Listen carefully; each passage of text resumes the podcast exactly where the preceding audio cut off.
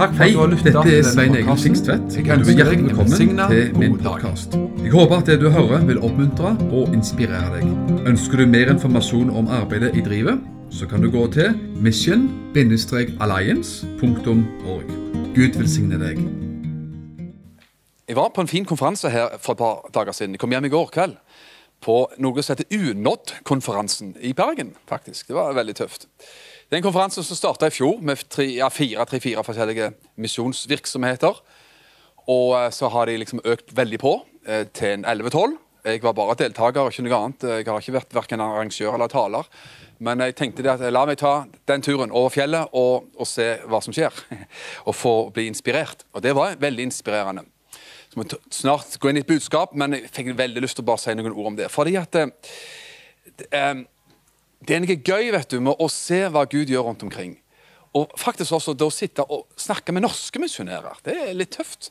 Jeg liker, vet du, jeg har, Gjennom årenes løp, siste året, så har det blitt mer og mer sånn Prøvd å connecte med hjertet til den norske misjonsarven på, på en måte. Og, um, og, og må det bare ære det og, og takke Gud for det. For at det, nordmenn har gjort utrolig mye i misjonstjeneste som eh, er veldig viktig å, å um, hedre, ære og takke Gud for. Og Det er så gøy å treffe mennesker som sier nesten av og til tilfeldige mennesker som sier jeg har bodd så og så mange år her og jeg har reist opp og ned til India 100 ganger. Og, og folk som har gjort alt mulig fantastisk for evangeliet. Så skal du få et uttrykk her som, som, som er fra en, en TV-serie som gikk Skal vi snakke litt TV først her, da? La oss liksom bare begynne ordentlig i kjødet. Så snakker vi om TV. Hvilken TV liker du? Eller TV. Hvilken film liker du? Hvilken filmserie liker du? Hvilken reality liker du? Vel, du skal høre om en TV-serie som jeg så, Nei, jeg så knapt nok så. Jeg har så vidt sett den, men tittelen er veldig bra. Den gikk for noen år siden og heter 'Eventyrlige nordmenn'. Er det noen som har hørt om den, eller er det bare jeg som har vært der? Noen? Eh, jeg tror han heter kanskje både, både 'Eventyrlige nordmenn' og 'Eventyrlige nordmenn i Amerika'. Om det var to forskjellige serier, det vet jeg ikke. Men 'Eventyrlige nordmenn i Amerika'. Og Da treffer du nordmenn vet du, som har vært slått, fått det gode liv i Amerika. Um, jeg husker jeg eh, så et program om ei dame. Hun er nå gammel. uh, bra gammel, altså. No, norske dame som hadde liksom sin eventyrhistorie om Amerika. Hun hadde, var ung sykepleier en gang i tida. Og så var det en gammel, rik amerikaner som fridde til henne. faktisk. Det var en enorm aldersforskjell, og han var bra rik, og han hadde blitt enkemann, så han fridde til denne her norske dama. De traff hverandre på et cruiseskip og noen greier. Artig historie. Eh, og ikke noe galt med det. Men, men eh, hun, han gikk jo bort etter noen år, for han var jo gammel. Og når hun ble gammel, og hun har da levd et liv kan du si, en enorm rikdom For han, han, karen her var milliardær og vel så det. Så hun har levd et liv da som en eventyrlig nordmann i Amerika. og Man så jo på programmet at hun hadde yacht, hun hadde bra hus og hun levde et en, en nice liv, kan du si. Og eh, drev også litt med veldedighet, så ære være henne for det. Og mange andre sånne som nordmenn som har slått seg opp rundt omkring, spesielt i eh, det flotte Amerika, vet du, som har blitt filmregissører og fått en fin, ranch på prærien og, og, og så videre og sånt. Og det er så fint alt sammen. Men vet du hva, jeg liker å koble mitt hjerte til andre typer eventyrlige nordmenn. Og de fins, ser du. Som har heller ikke, og Ingenting galt med de som gjerne har slått seg opp i Amerika, men tenk på de som da har håper jeg, slått seg ned eh, i andre land for å bringe evangeliet. For for å gi avkall på noe som de kunne hatt og eikt her i Norge, men som ga avkall på mye for å bringe evangeliet til andre mennesker. Det er jo virkelig eventyrlige nordmenn i vår sjanger, er det ikke det? Og det, jeg må, si at det er fantastisk å høre. Jeg snakket med en kar eh, som var i 70 år nå, har vært misjonær i Kamerun eh, i eh, flere år tidligere, og fortalte om hvordan han hadde et område av ansvar som rakk fra Stavanger til Flekkefjord, og det er ca. 12 mil. Og Der gikk han altså rundt omkring på sånne smale veier mellom høye bambustrær. Og, på, og ikke kjørte bil engang, og gikk og vandra i, i massevis for å følge opp menigheter, for å bringe evangeliet osv. Du hører ikke så mye om de på Jeg skal ikke rakke ned på noe, så ikke misforstå det jeg sier, men du hører ikke så mye om den type mennesker på Skavlan. Skulle ønske man kunne gjort det, for det finnes en, en skog av eventyrlige nordmenn som virkelig har fulgt Jesus på sånne sterkt sett og gjort noe på et helt annet plan enn det som er glamorøst, men som har redda mennesker fra himmelen. Og det er akkurat en sånn nordmann du og meg skal være. Prise Gud. Er du klar for det? Til å være en eventyrlig nordmann. Så nordmenn, Og, og eh, han karen her, han eh, var artig å treffe og høre på han, og vi hadde faktisk felles kjente også da. En annen kar som var en del yngre enn han her, eh, andre, han hadde, en nordmann, hadde bodd flere år i Kina og lært seg kinesisk. Det er jo ikke, ikke for pyser å verken flytte til Kina eller lære seg kinesisk. Og hadde vært med ved å ofre en en del år på akkurat de tingene der. Vært med å bringe evangeliet til en folkeslag i Kina. Et folkeslag som, som eh, ikke var mer enn 50 000 mennesker, da, og det er jo ikke akkurat mye i Kina. Men tenk det, å ha det liksom med seg i livet. Jeg har vært med på å bringe evangeliet om Jesus.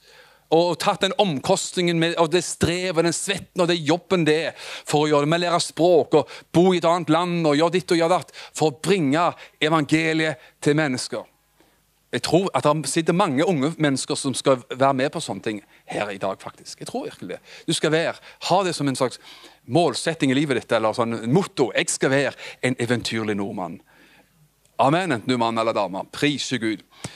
Blant de, vet, eh, noen av de første som dro til Nepal, det er jo ganske med flere tiår siden. og Jeg har vært i Nepal mange ganger og sett hva evangeliet har gjort for mennesker der. Det er bare enormt. Og Noen av de første som dro der, det var faktisk nordmenn. Amen.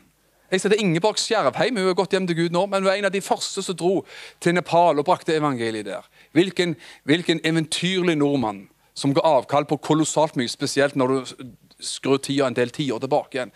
Hvilket, hvilket offer, hvilket liv man har levd. Men, og, og, og hvor mye man har gitt, gjort, uh, gått glipp av i livet. Av det, av det materielle, av det liksom behagelige. Men så herlig å ende opp, eller se på slutten av sitt liv og si 'Jeg har levd et rikt liv'. Fins det noe bedre? Fins det noe mer å kunne se tilbake en gang og si 'Jeg har levd et rikt liv'? Ja, det ønsker jeg virkelig å gjøre. Skal snart inn i budskapet her. Hoppe litt og, og eh, ja. Skal få et annet vers også, vet du. Beklager. Men Salme 90 er det vel. Det står et herlig vers. Jeg tror det er Salme 90. Ta det på hukommelsen her. Men, men det står vet du, om Det at reflekterer David er det? Nei, det er ikke David. Det er muligens faktisk av alle ting Moses. Men nok, nok om det. Han reflekterer om at Gud er evig. Evigheten. Og, og snakker masse om at eh, for Gud er én dag som tusen år. Og tusen år som én dag. Og liksom midt i alt dette her, så sier han eh, at et menneske har fått 70 år å leve. Og med stor styrke så har man fått 80 år å leve. Og fordi at man lever i Norge i 2020, så har man gjerne fått mellom 80 og 90 år å leve. Men likevel så har vi fått en livslengde å leve, venner. Ikke sant? Og, så, eh, og så står det også i den salmen der Lær oss å telle våre eh, dager, står det, som vi kan få visdom i hjertet. Det er et sterkt ord. der, så Det er et ord som er herlig og inspirerende og kanskje alvorlig på samme tid. Gi, lær oss å telle våre dager, sånn at vi kan få visdom i hjertet. Jeg liker av og til å si det i motsatt rekkefølge. Gi oss visdom i hjertet, sånn at vi kan telle våre dager. Gi oss visdom, Herre, i vårt hjerte, sånn at vi virkelig kan telle våre dager og gjøre de ting som hører eh, ditt rike til, og som virkelig teller i evighet. Amen. Herre, jeg bare ber om at din ild må treffe våre liv. I Jesu Kristi navn, så at vi får lov til å være stolte, ja, stolte, eventyrlige nordmenn, Herre, som, som i, i, med, med kryhet og stolthet virkelig ofrer våre liv for at mennesker skal bli frelst, og at evangeliet skal nå til nye mennesker. I Jesu Kristi dyrebare navn. Amen. Det var dagens andakt. Nå skal vi ta talen. Når vi snakker nå, nå snakker vi plutselig om TV-serie, vet du. Det som er populært eh, Nå hopper vi inn i budskapet. men Reality-TV, vet du. At folk byr på seg selv på TV. At folk er åpne. Det er liksom blitt eh, veldig eh, inn i, gjennom en del år. Du har, og du har reality-serier som er av den gode sorten, og du har, reality-serier som er ikke verdt å, å trykke på, på knappen på en gang. altså å åpne opp. Det bedre å trykke på Uff-knappen på eh, kontrollen. Det, det, det er en nådefull knapp, altså. å Trykke på uff. Amen. Men du vet at det, det, er- det er så gøy, da, og det som, som, som tiltrekker oss som mennesker, det er jo når mennesker er åpne. Byr på seg sjøl, deler fra sitt liv. Nå har man uh, kommet ut med en ny bok om kong Harald osv. Og, og man liker når mennesker, spesielt kjente mennesker kanskje, og såkalt vellykkede mennesker, er åpne om sitt liv og forteller om gjerne livets både gode og dårlige sider. Nå, og jeg elsker egentlig å dukke inn i mennesker i Bibelen også. For Bibelen har så mye å undervise oss og gi oss angående mennesker som trodde på Gud. Mennesker som stolte på Gud, mennesker som også opplevde eh, kriser og vanskelige ting i livet, men som stolte på Gud, og som så at Gud kom igjennom. Og I dag har jeg lyst til å ta deg med i en sånn en liten eh, historie. ok? Det er en kar som heter kong Hiskia. Ok, så Da går vi til andre kongebok. Hvis du vil slå opp. Jeg tar det rett fra skjermen min. her da. Men eh, andre kongebok, kapittel 18 og sånn sett også 19, så leser vi om denne kongen som heter Hiskia. Han var en veldig bra kar. Han var konge for eh, i Sørriket. Israel var delt i to, nord og sør. så Han var konge i Sørriket, som kaltes for Juda. Og eh, Han var en av de få som man kan kalle en gudfryktig konge. Som stolte på Gud, og som gjorde veldig veldig mye bra. Han, eh, han holdt seg nær til Gud, og han fikk utført mange, mange gode ting i livet. La meg lese noen vers da, fra andre kongebok, kapittel 18. Og Vi leser fra vers 1, og så tar vi et lite jafs av noen skriftsteder. Og så tar vi, skal vi ikke lese så veldig mye etterpå der, egentlig, men heller bare ta det i litt sånn fortellende form. Andre kongebok, kapittel 18, vers 1-4. I det tredje regjeringsåret til eh, Hosea, Hosea, Elas sønn, Israels konge, skjedde det at Iskia, sønn av Akas, kongen av Juda, ble konge. Han var 25 år gammel da han ble konge, og han var konge i Jerusalem i 29 år. Hans mor, eh, mors navn var Abi, Zakarias datter. Han gjorde det som var rett i Herrens øyne, helt og fullt slik hans far David hadde gjort. Altså, Han gjorde det som var godt i Guds øyne. og nå var ikke David hans far, han var hans stamfar. altså var, Han var flere generasjoner etter David, da, bare så du skjønner Bibelens språk. Han rev ned offerhaugene, knuste billedstøttene og hogde ned Aschera-perlen. Og den kobberslangen Moses hadde laget, knuste han i småbiter. For helt til, eh, til, de dager hadde Israels barn brent røkelse for den og kalt, kalt den for Nehushatan. Så han satte sin lit til Herren, Israels Gud, slik, ikke, slik, at det ikke var noen som han, verken blant alle kongene i Juda som kom etter ham, eller blant dem som hadde vært før ham. For han skal du ta med deg noen sånn, synes jeg, nydelige uttrykk. Han satte sin lit til Herren. Vers 6. For han klynget seg til Herren. Han vek ikke av for å følge ham, men holdt hans bud, eh, dem Herren bød Moses. Vers 7. Herren var med ham. Han hadde fremgang overalt hvor han gikk fram. Han gjorde opprør mot Asyrias konge, og han tjente ham ikke lenger. Han la filistene under seg, helt bort til Gaza. Der, ja. Eh, og grenseområdene der enten det var et sted, eh, enten det var et sted med vakttårn eller en befestet by. Her står det jo masse fantastisk om denne kongen. Han holdt seg til Gud, han klynga seg til Herren, han stolte på Herren. Gud var med han. Han gjorde opprør mot eh, en fiendekonge som, eh, som var Asyrias konge. Han la filistene under seg. Han knuste avgudsdyrkelsen i landet, så han gikk skikkelig tøft fram. altså. Og var en mann som bare var, bare var bra på alle disse punktene her. Så med andre ord, det lyktes for kong Hiskia. vet du. Det gikk den gode, og den gikk den rette veien med han. Men så kom det også faktisk etter hvert tider med krise. Tøffe tider, eh, røffe tider for denne her gode kongen. Og hvis jeg spør deg, Hvor mange vet her at det, det, dårlige, tider, dårlige ting kan skje med gode folk? Så vet alle at det stemmer eh, kriser eller eh, liksom røffe ting kan skje også med de aller beste menneskene. Også gudfryktige mennesker. Men det som vi skal se, det er at kong Hiskia han stolte på Gud og gjorde stort sett de rette ting i krisetider. Og da er Mitt spørsmål til deg og meg vet du, det er hva gjør du og meg i krisetider? For krisetider, vanskelige tider, kommer sånn av og til. Og da blir din og min tro satt på prøve. Din og min offer, liksom, eller oppofrelse eller helhjertethet mot Gud blir satt på prøve. Og kanskje den tro og troskap mot Gud kan virkelig få bli liksom dratt skikkelig hardt i fortøyningene. Og Da sier, forteller Bibelen det at kong Sankerib av Asyria han kom opp og beleira mange mange byer og inntok mange byer i Sørriket, i Juda, altså Sør-Israel, for, for, å kalle det det. Og etter han hadde gjort det, eh, en, en, eh, denne kongen, kongen av Syria, han heter Sankerib. Ja da. Noen må hete det òg, mener jeg. I hvert fall mener Bibelen det. Ok. Så kong Sankerib han kom og tok massevis av byer til, i Juda, i, i landet der. Og så tok han da, nå tenkte, nå tenkte, han nå skal vi ta Jerusalem, selveste Jerusalem. Og Der er jo kongen, naturligvis. Det var hovedstaden i, i, i landet. Og uh, Da er det jo interessant å se hva som skjer. Kongen, vet du og hans menn, kong Sankerib av Syria og hans folk, de omringa byen. Og de sendte jo, de hadde ikke SMS, og sånn, så de sendte jo budbærere med, med, med, som snakket til fienden og sendte brev til fienden. De sendte brev til hverandre. da. Altså, Sankerib og hans menn sendte til Israels folk brev og beskjed. Og kong Hiskia og hans folk sendte brev og beskjed tilbake igjen. Så de drev liksom og, og, og de, diskuterte og forhandla osv. Så skjer dette midt i det presset. og Bare se for deg det presset. De er beleira.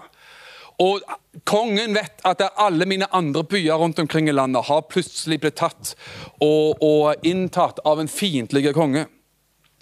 Andre kongebok 18, vers 14-16 sier Da sendte Skia, kongen av Juda, brev til Assyrias konge ved Lakish og sa Husk det, når det er Skia som sier dette til fienden, hva han si? 'Jeg har syndet', sier han. 'Vend deg bort fra meg'. Og nå er han sikker på defensiven og sier 'Uansett hva du pålegger meg, så vil jeg betale'. Asyas konge påla Hiskia, kongen av Juda, 300 talenter eh, sølv og 30 talenter gull. Så, Hiskia, så ga Hiskia ham alt sølvet som fantes i Herrens hus, og i skattekamrene i kongens hus. Den gangen lot Hiskia gullet bli revet av dørene i Herrens tempel og fra søylene som Hiskia, kongen av Juda, hadde kledd. Han ga, alt ga han til Assyrias konge, står det. Ok, Hva er det som skjer her? Jo, kongen av Assyria, Sankerib, han setter på fullt press. Og, og, ber kongen og hele gjengen om å overgi seg. Og Da er tydeligvis Iskia skikkelig på sine knær og sier det mest kanskje absurde, utenkelige som man ikke burde si.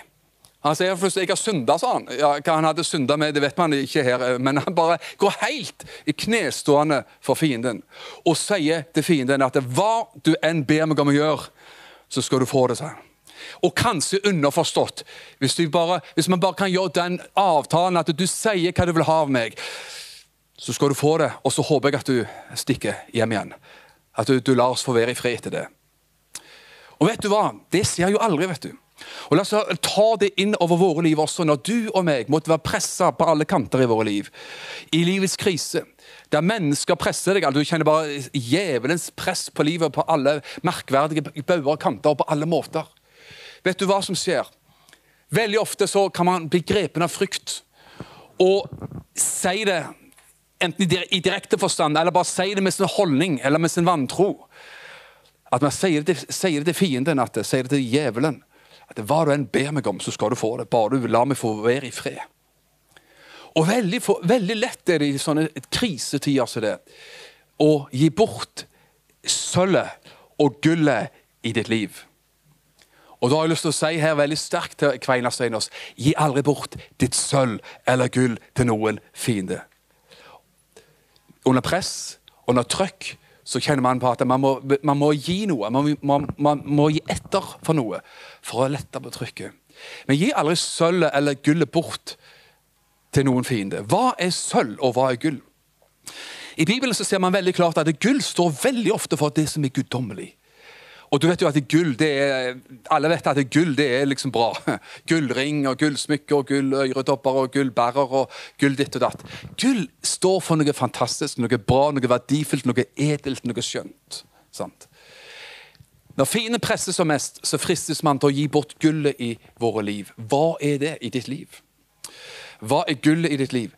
For det første, Gullet i mitt liv, og jeg tror at man er nokså like der Gullet i vårt liv er først og fremst kanskje vår tro på Jesus. Vår tro på Bibelen. Vi tror på Guds ord, vi tror på en hel bibel, vi tror på Gammeltestamentet, tror på Nytestamentet. Vi tror på det Bibelen sier. Enkelt og greit. Amen. Vi tror på det. Og vet du hva, under press så blir man frista til å gi gull.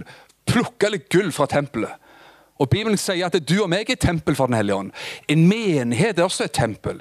Og begynner å, å, å rive ned gull og sølv fra tempelet og kaste det fienden, tror man kanskje gjør livet enklere, men det gjør det jo vanligvis ikke. Jeg påstår, og vil bruke akkurat dette bildet også til å si, uh, når vi snakket litt om deg og meg men det er jo det som har skjedd blant mange kristne i Norge de siste årenes løp. At pga. press så har man plutselig begynt å gi bort masse av sitt edle metall, sine verdier, sitt syn på Guds ord. Hva Guds ord sier om saker og ting, f.eks. om ekteskap, samkjønnede kontra uh, uh, Likekjønnede ekteskap kontra ulikekjønnede ekteskap. Heterofile, uh, heterofile heteroekteskap. Eller hva det nå enn heter. Skjønner du? Man har gitt bort veldig mye gull. Man har liksom sagt bare for å få fred. Bare for å få fred fra VG og Dagbladet. Bare for å få fred fra enkelte hissige politikere. Bare for å få fred fra ditt og fred fra datter. Bare for å få, lov til å beholde statsstøtten, kanskje. Så la oss bare gi bort litt gull, og så får vi fred fra alt press. Det duger aldri, og det dukte jo ikke i kong Hiskias sitt liv og hans, eh, hans gjerning som konge i det hele tatt. Og vet du hva, så skal vi ta det litt sånn, Ikke bruke tid på å snakke veldig sånn, eh, lese det veldig. Men vet du hva, la meg sitere noe fra notatene mine her. I 2. kongebok 1819 for eksempel, så sier, roper da kong Sankerib og hans folk til Israels folk inne i byen. Vet du hva de roper? Så si nå han sier, si nå til Hiskia, altså kongen av Juda.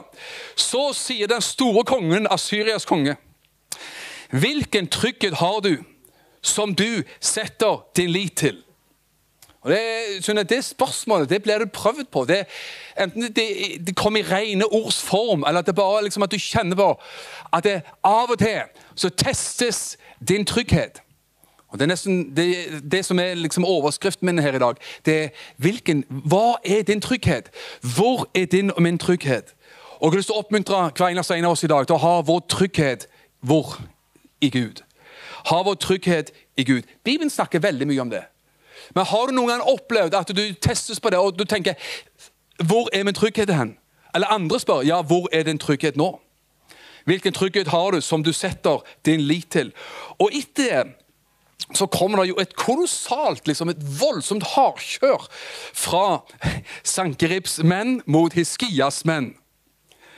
Og de sier mye, utrolig mye, vet du. Skal du høre her. Det står også da i vers 30, andre kongebok 1830. La heller ikke Hiskia få dere til å sette deres lit til Herren. Så denne fine kongen sier det folket. Folkens, Israels folk, Judas folk inne i byen. Ikke tro på denne toskete kongen deres i skia. Ikke la han lure dere med fake news og si at dere skal stole på Gud, for det funker faktisk ikke i dette tilfellet, sa den fiendtlige kongen. Vers 31 sier, hør ikke på Hyskia. Så sier han etterpå, betal skatt til meg og slutt fred med meg og kom ut til meg, sa han. Overgi dere til meg, sier han. Da skal dere få spise av deres eget vintre og fikentre, og dere skal alle få drikke vann av deres egen brønn. Bare overgi dere, så skal det alt bli så greit etterpå. Det skal bli så godt, og det skal bli så fredfullt og behagelig på alle vis her i, i, i livet. Og han, Kongen går enda verre til verks, denne her, han er fienden. Vers 32 sier slik skal det være helt til jeg kommer og tar dere bort til et land som ligner deres eget. Et land med korn og most, brød og vingårder, olivenlunder og honning. Så dere skal leve og ikke dø. Men, sier han, altså hvis jeg får min vilje med dere, så skal det gå dere så bra. Men for alt i verden, hør ikke på kongen deres. Hør ikke på Hiskia. Eller vil, ellers vil han forføre dere til å si 'Herren skal utfri oss'. Så kong Hiskia prøvde å oppmuntre folket så sterkt han kunne og, og sånt. Og så sier fienden hør ikke på Hiskia. Glem nå dette med å stole på Gud. Hvilken trygghet har du egentlig og, og forvissning har du egentlig til å tro på Gud? Hvor er din trygghet? Det var det som var det store spørsmålet fra fienden til denne her gode og, ellers så gode og greie Hiskia. Vet du hva han også sier i, i, vers 25? Det er jo det, det le av eller til å grine av. Jeg kan si til folk, denne fienden Altså, Det er Guds vilje, sa han. Jeg har fått et kall av Gud til å innta byen. sa han. Fått det, det er Guds vilje at jeg skal ta dere. Det er Guds vilje at, jeg, at dere skal overgi dere til meg. Tenk på det. Herrens vilje, Det er etter Herrens vilje jeg nå har kommet opp mot dette stedet for å ødelegge det. Herren sa jo det til meg. Gå opp mot dette landet og ødelegge det.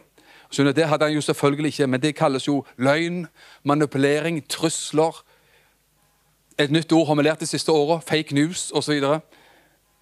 Du kan se presset var kolossalt på han til å, til å kompromisse på, på, på sin trygghet på Gud Kompromisse på sin trygghet på Gud. Og da spørsmålet, Hva gjorde da denne her Hiskia? Jo, Det første han gjorde, det har vi jo allerede lest. Og Det var jo det dummeste han kunne gjøre, men han, han skjerpa seg ganske kraftig. Og Kanskje det er av det menneskets første reaksjon. Kjødelige reaksjon det var jo det at han altså, Hva du enn ber meg om, så skal du få det. Så begynner han å gi, kaste gull over muren. liksom. Og gi gull og sølv til, til, til, denne fienden. Til og med gull fra tempelet. Men vet du hva? Så skjer det noe, noe Han kommer på bedre tanker, denne Hiskia. Og vet du hva han gjør? Jo, han etterpå der, når han skjønner at det nytter ikke å forhandle med fienden. Det nytter ikke å, å, å, å hva skal man si, eh, gi bestikkelser i form av sølv eller gull til fienden. Det hjelper ingenting å kompromisse sin trygghet og kompromisse sin tro mot fienden. Det hjelper jo ingenting. Så kom han heldigvis på bedre tanker. Og vet du hva? Jeg skulle ønske at det, også det, disse ord og den historien var selvfølgelig noe som vi kan ta tak i i vårt eget liv. Men jeg skulle ønske også det var et ord til Kristi kropp, Kristi legeme, Guds menighet, også i landet, landet vårt. Hva skjedde? Jo, når, når, truslene fortsatte sånn som de gjorde, så står det i 2. kongebok 19.1 at kong Hiskia han flerra klærne sine. Og når, det, når, når, man da flerra klærne sine, og ofte så kledde man seg da i, i sekkestria, og aska tok aska på seg, og man liksom reiv sundt sine egne klær. Og, og, og kledde seg altså i sørgeklær på et eller annet vis. Så var jo det et tegn på krise. Et tegn på at nå er krisen et faktum her. Og man, hva gjorde han? Han flerra klærne sine, og han gikk til Herrens hus for å søke Herren, står det i 2. kongebok 19.1. Plutselig så kommer han på bedre tanker. Istedenfor å gå til Herrens hus for å ta sølv og gull og gi det fienden, så tenkte han kanskje vi skal bruke Herrens hus til noe bedre enn som så. Og så gikk han heller hen og for å søke Gud i Herrens hus, sier Bibelen. Hva gjør du og meg i krisetider? Hva gjør du da? Krisetider kan være enten en tid Og enhver krisetid har jo det i seg at det har press i seg. Alle av oss har opplevd press som er kanskje så stort at man tenker jeg blir, blir jeg vel bevart, liksom? Jeg, liksom hva, hva, skjer, liksom? Dette bærer eller brister? Men med Guds nåde vet du, så skal det ikke briste, men det skal bære. Prise Gud. Så det gjorde han altså. Han gikk og søkte Gud. Så gjorde han en ting til. Det finner du i 2. kongebok 19, vers 2-3. Han gjorde også en annen ting. Han søkte Gud, kasta seg på Gud, søkte Gud i Guds, Gud i Guds hus. Så gjorde han en ting til. Han sendte, så sendte han Eliakim, som hadde overoppsynet med slottet, og statsskriverens skjebne, og de eldste blant prestene til profeten Jesaja. Amos'. Og de var kledd i sekkestrie, står det. Så de var kledd altså, i kriseklær. Koronaklær, kanskje. Koronadrakt, munnbind, hvem vet hva de hadde? For å symbolisere dette er krise, folkens. Så står det i vers 3. De sa til ham altså Hiskia sine budbærere gikk til profeten, og de sa til Jesaja Så sier Hiskia denne dagen er en dag med trengsel og tukt og gudsbespottelse. For Og så kommer han med litt av en sånn dramatisk bilde her. da. For barna så, sier han, har kommet til åpningen på livmoren. Vi har ingen styrke til å føde dem. Så, så hva innsynet hadde akkurat i fødsler, det, det, får du nesten spørre han om. Men, men altså, det, det, er som en fødsel, og så plutselig stopper fødselen opp. liksom, at det, Barnet kommer ikke ut. Krise. Det er, liksom, det er, der er ikke mer kraft igjen til å, få, til å fullføre fødselen. Så. Ja vel. Vers 4 står det Det kan være at Herren din Gud vil høre alle ordene som Rapsaken i all verden er det? Det kommandanten har talt som hans herre Asyrias konge har sendt for å spotte den levende Gud. Og da han så straffa ham for ordene som Herren din Gud har hørt. Og så sier han, bær derfor fram en bønn for den resten som ennå er igjen. Hva gjorde kong Iskia? Jo, han søkte Gud. Han søkte Guds åsyn. Men så sendte han budbærere til profeten i landet, den fremste profeten, og sa og ba om forbønn.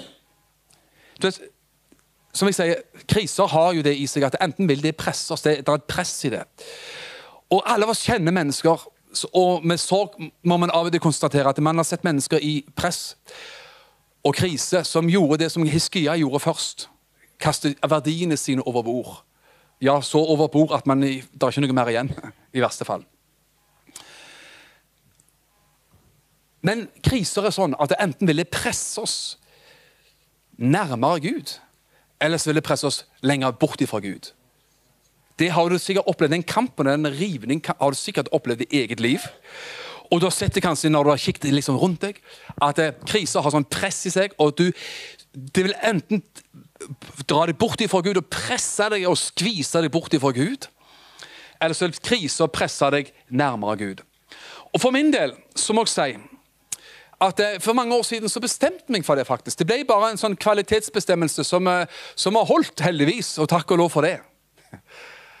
At eh, jeg har bestemt, For mange år siden bestemte jeg meg for at enhver krise, enhver press, enhver hva som helst Enten, enten, det er liksom bare i omstendighetene, eller økonomisk krise, eller, eller at man føler at, at man er besvikta av et eller annet eller noen, eller hva som helst, egentlig så, så, må man bare bestemme seg for at enhver krise jeg møter, presser meg bare nærmere Gud. Sånn at jeg vet at jeg kommer ut av min tunnel, og du kommer ut av din tunnel, så kommer du ut som et bedre menneske. Amen. For det går an, altså. Man kan komme ut faktisk med en større salvelse. Man kan komme ut med mer visdom, med, med større tyngde, mer visdom og kraft. Og man kommer ut på en bedre måte. Og som man sier på engelsk, It will either make you or break you. Det vil enten gi deg gjennombrudd eller sammenbrudd. Og faktum er at uh, du og meg bestemmer det. Om en sak, om en krise, om et eller annet sånt skal, skal gi oss sammenbrudd. Eller om det er med å presse oss til et gjennombrudd. Til noe høyere. Til noe større i våre liv. Jeg husker en profeti som jeg, eh, Toril fikk faktisk eh, i, eh, i, USA. Vi var på en konferanse der for det er ganske lenge siden. Jeg tipper, Hvis jeg skal ta det på min hukommelse nå, så var det gjerne høsten august 2014. Og da, og da sa var det en som vi var på sånn profetisk seminar, og en som ba oss reise oss opp. og Han ga noen ord til oss og forskjellige ting. Og Det var ganske interessant. Og faktum er at noen, flere av de ordene har blitt, har blitt oppfylt. Han sa utrolig, vet du, når jeg tenker på det nå. Uh, han sa at dere har vært i, i, samme gir for lenge. Sånn. For lenge har dere vært i samme gir, og kaller dere til å skifte gir. Og Da tenkte jeg mye på det, og tenkte hva betyr det? Skal jeg, eh, ja, jeg må, jeg, og Det føltes jo altså som det traff. Men jeg måtte bare finne ut hva betyr det og da var det enten at jeg må finne et bedre gir, og, og, ja, bedre gir om du vil, høyere gir, i den tjenesten jeg var i den gangen som pastor. Eller betyr det at jeg skal finne et, et helt annet gir, på den måten at jeg ikke lenger skal være pastor, men gjøre andre ting? Og uh, som du sikkert skjønner, så, så ender det opp med, med, andre ting. da. Og det tror jeg virkelig var Guds vei. Men så sa han en ting til. Det er rart hvordan Guds ord forskjellige biter av Guds ord henger sammen. Så sa han dere sa han, vil komme under ild. sa han. Da vil dere komme under motstandsild. Men dere skal komme igjennom, og Gud skal være med, og Gud skal åpne eh, ressurser osv. Så, sånn. så Gud er god, vet du. For han forteller oss på forhånd ofte. Spesielt når det venter et eller annet røft rundt neste sving. Så er Gud så fantastisk, og Gud så raus og Gud så god at han forteller oss på forhånd. Sånn at krisen ikke skviser oss bort ifra Gud, men presser oss nærmere Gud. La meg oppmuntre hver eneste en av oss. nå går jeg kanskje litt sånn sakte fram og, og, um, og, og gjenta litt og terpe på de samme tingene. Jeg har lyst til å si til hver eneste en av oss, unge og eldre men, men liksom, I mitt hjerte kanskje sikter jeg også på ungdom her i dag. vet du, De som sitter, dekorerer første og andre benk. Det er veldig, veldig gøy for en taler, en halvgammel taler å se ungdom på første og andre benk. Bestem La det være en sånn bestemmelse. En sånn kvalitetsbestemmelse. At, eh, at eh, du bare bestemmer deg for at enhver ting som vi møter, bare presser meg nærmere Gud i livet. Presser meg nærmere Gud i livet, Sånn at jeg kommer ut. Når du selv ennå ikke ser det og føler det engang, så vet du Når jeg kommer igjennom denne, denne ørkenen eller denne tunnelen eller dette liksom kuperte terrenget i mitt liv, så skal jeg komme ut igjen på den andre sida bare bedre, sterkere, mer salva, mer visdom, mer peiling, mer innsikt. Et større hjerte og et mykere hjerte enn før. Jeg tror det er kolossalt viktig. Amen. Tilbake til den historien, da. Ja, ok. Han søkte Gud. Han eh, spurte om forbønn fra, fra, profeten Jesajas. Og profeten Jesajas han får et profetisk ord. Amen. Og Det må du òg gjøre. De, de, prøver liksom å flette dette inn til oss. da. I kriser Hopp inn til oss igjen her, da, plutselig. I krisetider, vet du, søk ut. søk ut. Amen. Søk Herrens tempel, søk menigheten, søk det kristne fellesskapet. Søk ut alene, søk ut. Men gjør en ting til. Søk forbønn. Det var det jeg skulle si. Søk forbønn. Bli bedt for. Bli betjent. Amen. Og Det var det faktisk kong Hiskia gjorde. Og så fikk kong, eh, profeten Jesajas et ord. Andre kongebok 19,7. Sannelig, jeg skal gi ham en ånd som gjør at han skal få et rykte, høre et rykte, og vende tilbake til sitt eget land, altså fienden. Jeg skal la ham falle for sverdet i sitt eget land. Og vet du hva som er ganske utrolig? Det har kommet ord om befrielse. Vet du hva som skjedde? Det skjedde jo det som han profeterte, naturligvis. Men det som burde ikke overraske oss, det er at det gikk litt tid før det skjedde. Det gikk litt tid før det skjedde. Fordi truslene, manipuleringen, eh, løgnen og alt det der eh, fake newset fortsatte i faktisk stund til. Men det kom et resultat til slutt. Det kom en utfrielse til slutt. Amen. Andre kongebok 1910 sier at slik skal dere tale presset fortsatte, slik skal dere tale til Hiskia, kongen av Juda, og si La ikke din Gud, som du setter din lit til, nære deg, og si Jerusalem skal bli overgitt til asyrerkongens hånd. Skal ikke bli overgitt til asyrerkongens hånd. Se, du har hørt hva Asyrias konger, konger har gjort med alle landene, ved at de har ødelagt dem fullstendig. Og så kommer det et artig spørsmål. Og så, og så, skulle du bli utfridd. Du vet hva som har skjedd med alle andre. Hva er det du tror? Altså, hvor, dum kan du, dum kan du bli? Tror du virkelig at du skulle bli utfridd? Når du ser at alle andre har litt nederlag. Tror du virkelig at du skal få oppleve Guds godhet, Guds utfrielse osv.? Det var det faktisk kongen sa. Og Hvis vi tenker på disse tingene, så, man, så skjønner man at det, egentlig så er det ikke noe så mye nytt under sol. Dette skjedde ca. 700 år før Kristus. Og så kan man kjenne oss igjen i veldig mye av den kampen som faktisk da kong Hiskia sa, eh, opplevde her sånn. La ikke din Gud, som du setter din lit til, narre deg. Vet du hva? Jeg har lyst til å oppmuntre deg her i dag til å være en person som setter din lit til Gud. Som setter din lit til Gud. For du vil bli utfridd, og du skal komme gjennom på den andre sida. Ikke bitter, men bedre. Amen. Ikke som en bitter person, men som en bedre person. Ok? Hva gjorde han da? Hva gjorde Hiskia når seieren lot vente på seg? Han hadde fått et profetisk ord, og så fortsatte truslene likevel. Fortsatte hetsingen og presset på samme vis.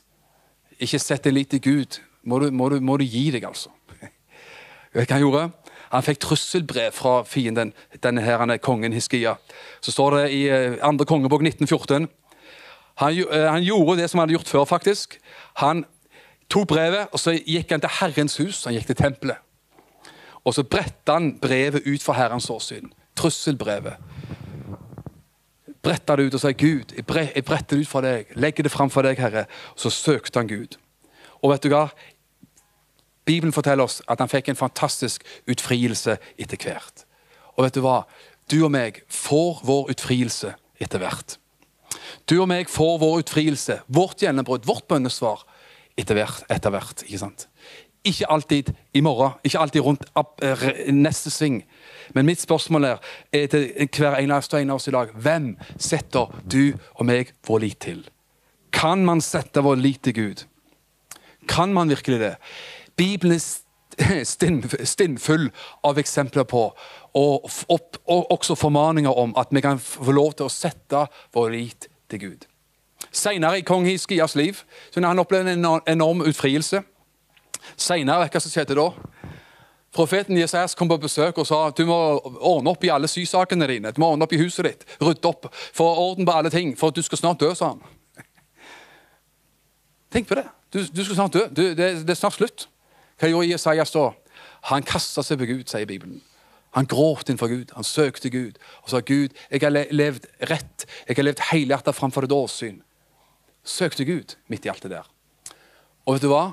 Når Jesajas var bare på vei ut dørene vet du, fra slottet, så hører Jesajas Guds ord og Herrens tale på ny og sier, gå tilbake igjen og gi et nytt ord til kongen.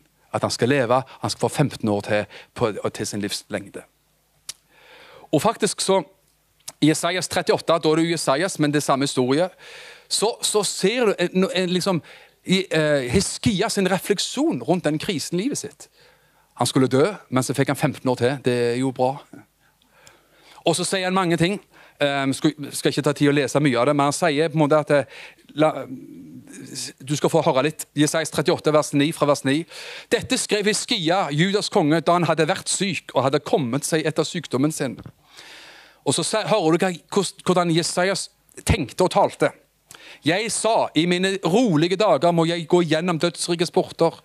Resten av mine år er tatt fra meg. Tenk det.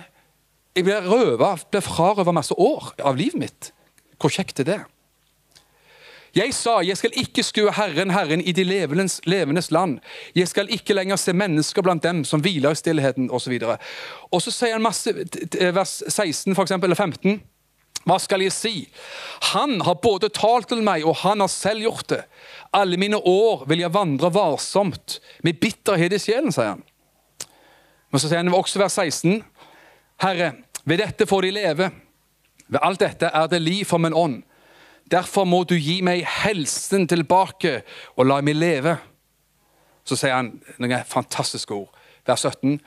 Se til fred ble meg det bitre, ja, det bitre. I kjærlighet har du fridd min sjel fra fordervelsens avgrunn, for du har kastet alle mine synder bak din rygg. Stole på Gud. Amen. Stole på Gud, ha tillit til Gud og se at Gud kommer igjennom. Jeg kjenner ikke din situasjon, vet du, men jeg er sikker på det. At Gud er mektig til å føre deg igjennom. Jeg vet ikke om du føler at du går i, i en tunnel eller går i virkelig sånne røft kupert terreng. Du ser ikke solen på himmelen, du ser mer, mer mørke skyer enn sol. Men du vet jo at du kan stole på Gud. Du kan ha tillit til Gud og oppleve i sånne perioder at røttene i livet ditt går nedover jordsmonnet, og du får mer og mer tillit til Gud. Jeg elsker en av disse salmene til kong David. Nå tar jeg det litt sånn utenfor skjermen her, så jeg tror det er salme 37 eller 34. En av de, tror jeg det. Det er kong David som sier. Det syns jeg er fantastisk.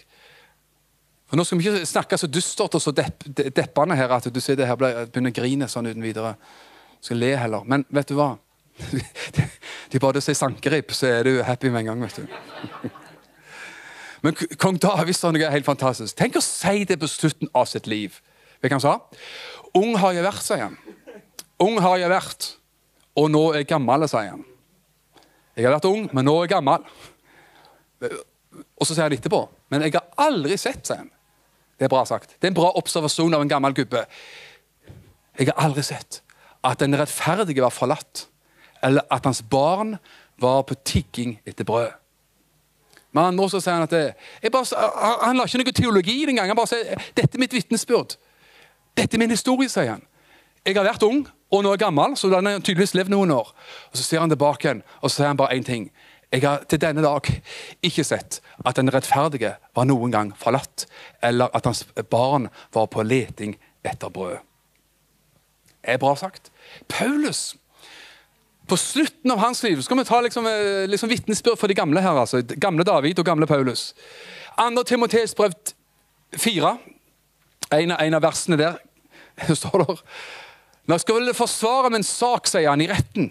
Han var gammel vet du, og, og fikk stå for retten med lenker på. Og, og, og var på slutten av sitt liv og, skulle, og døde ikke så lang tid etterpå. Så sier han når jeg skulle stå og forsvare min sak i retten, så stakk alle mine gode venner av gårde, sa han. De, de, de, de svikta meg alle mann, sa han. Hvor ble de av? Han sier, Den har tatt den veien, og den har tatt den veien. og De, de fant på noe annet, alle mann. Så sa han noe bra, Men det, det stopper ikke der. Han sier, men, sier han, Herren sto hos meg. Herren var der. Skjønner, Det er fantastisk å ha det sånn. Og vite det, at uansett at mennesker svikter, for mennesker vil svikte. Mennesker svikter meg. Og det som er verre er, at jeg har svikta mennesker òg. Det er det som er så dumt. Tenk så bare det at noen hadde svikta meg. Det var herlig. Å være uskyldig. Men faren er at jeg har svikta andre, jeg òg. Men vet du hva Paulus sier midt i alt? Herren har vært her. Når mennesker forlater oss, når mennesker svikter oss, så um, er Gud der. Er Gud der. Til slutt skal du få et vers, så skal vi si ammen. Jeremia 17, vers 5-8. Jeremia 17, 5-8. Så sier Herren, forbannet er den mann som stoler på mennesker. Bra sagt. Kanskje litt sånn eh, Han tar hardt i. Jeremia, vers 17, eh, kapi, ja, Kanskje ikke sa det. Jeremia kapittel 17, vers 5. Så sier Herren, forbannet er den mann som stoler på mennesker og holder kjøtt for sin arm. Altså støtter seg på mennesker, med andre ord. Den som har et hjerte som vender seg bort fra Herren. For han skal være lik en einar i ørkenen. Han skal ikke få se det gode som kommer. Og han skal bo på de utørkede stedene i ødemarken, i et saltland som ikke er bebodd. Ikke bra. Da blir det dårlig liv. Det blir tørt liv. Det saltland og ørken. Da får du tørt liv. Ok, Du får den nytestamentlige tolkningen her. Det blir tørt, kjære venn. Vers 7 sier Velsignet er den mann som stoler på Herren og som har satt sin lit til ham. Åh, oh, det er bra. Eller som lar Herren være hans tillit, sier en annen oversettelse. Velsignet er den mann som stoler på Herren, som lar, har satt sin lit til ham. Han skal være lik et tre plantet ved vann, som strekker sine røtter mot bekken, som ikke frykter når heten kommer, men som alltid har grønne blad, og som ikke engster seg i år med tørke, og som ikke holder opp med å bære frukt. En sånn person skulle du være som setter din lit til Gud. Amen. Der er det vann. Selv i dårlige omstendigheter så har du røtter som går ned til bekken. Strekker seg ned. Far i himmelen, jeg bare ber at de ordene han delte her i dag, Herre, skal være et oppmuntring for mennesker som på forskjellig vis går gjennom kriser i livet. Herre, jeg kan sense herre, at det er mennesker her som opplever at at det, er, det er dragning på livet. herre. Man opplever at man virkelig rustes og trekkes og dras. Jeg ber i Jesu Kristi navn, Herre, at noen her i dag skal bestemme seg for for å følge deg, Herre. For å stole på deg, Herre. For at enhver ting, enhver dragning, enhver krise i livet gjør at man kommer bare nærmere Gud med livet sitt. Far, det ber jeg om i Jesu Kristi navn. Herre, som du sa en gang til Peter Peter, Peter, Satan har krevd å få deg i sin makt for å sikte deg som hvete. Men jeg har bedt for deg at en tro ikke skal svikte deg. Og når du en gang omvender deg, så skal du styrke dine brødre. Og Herre, la det være tilfellet for mange her. Ja, egentlig for alle her. at Samme hvor man er hen, så, så ber jeg at enhver skal finne sin vei til å komme tilbake igjen om man trenger det, Herre. Finne sin vei, finne sin mulighet, se sin mulighet til å vende tilbake igjen til deg, Herre Og komme tilbake for å styrke sine brødre. For å komme tilbake og bety noe inn i ditt rike.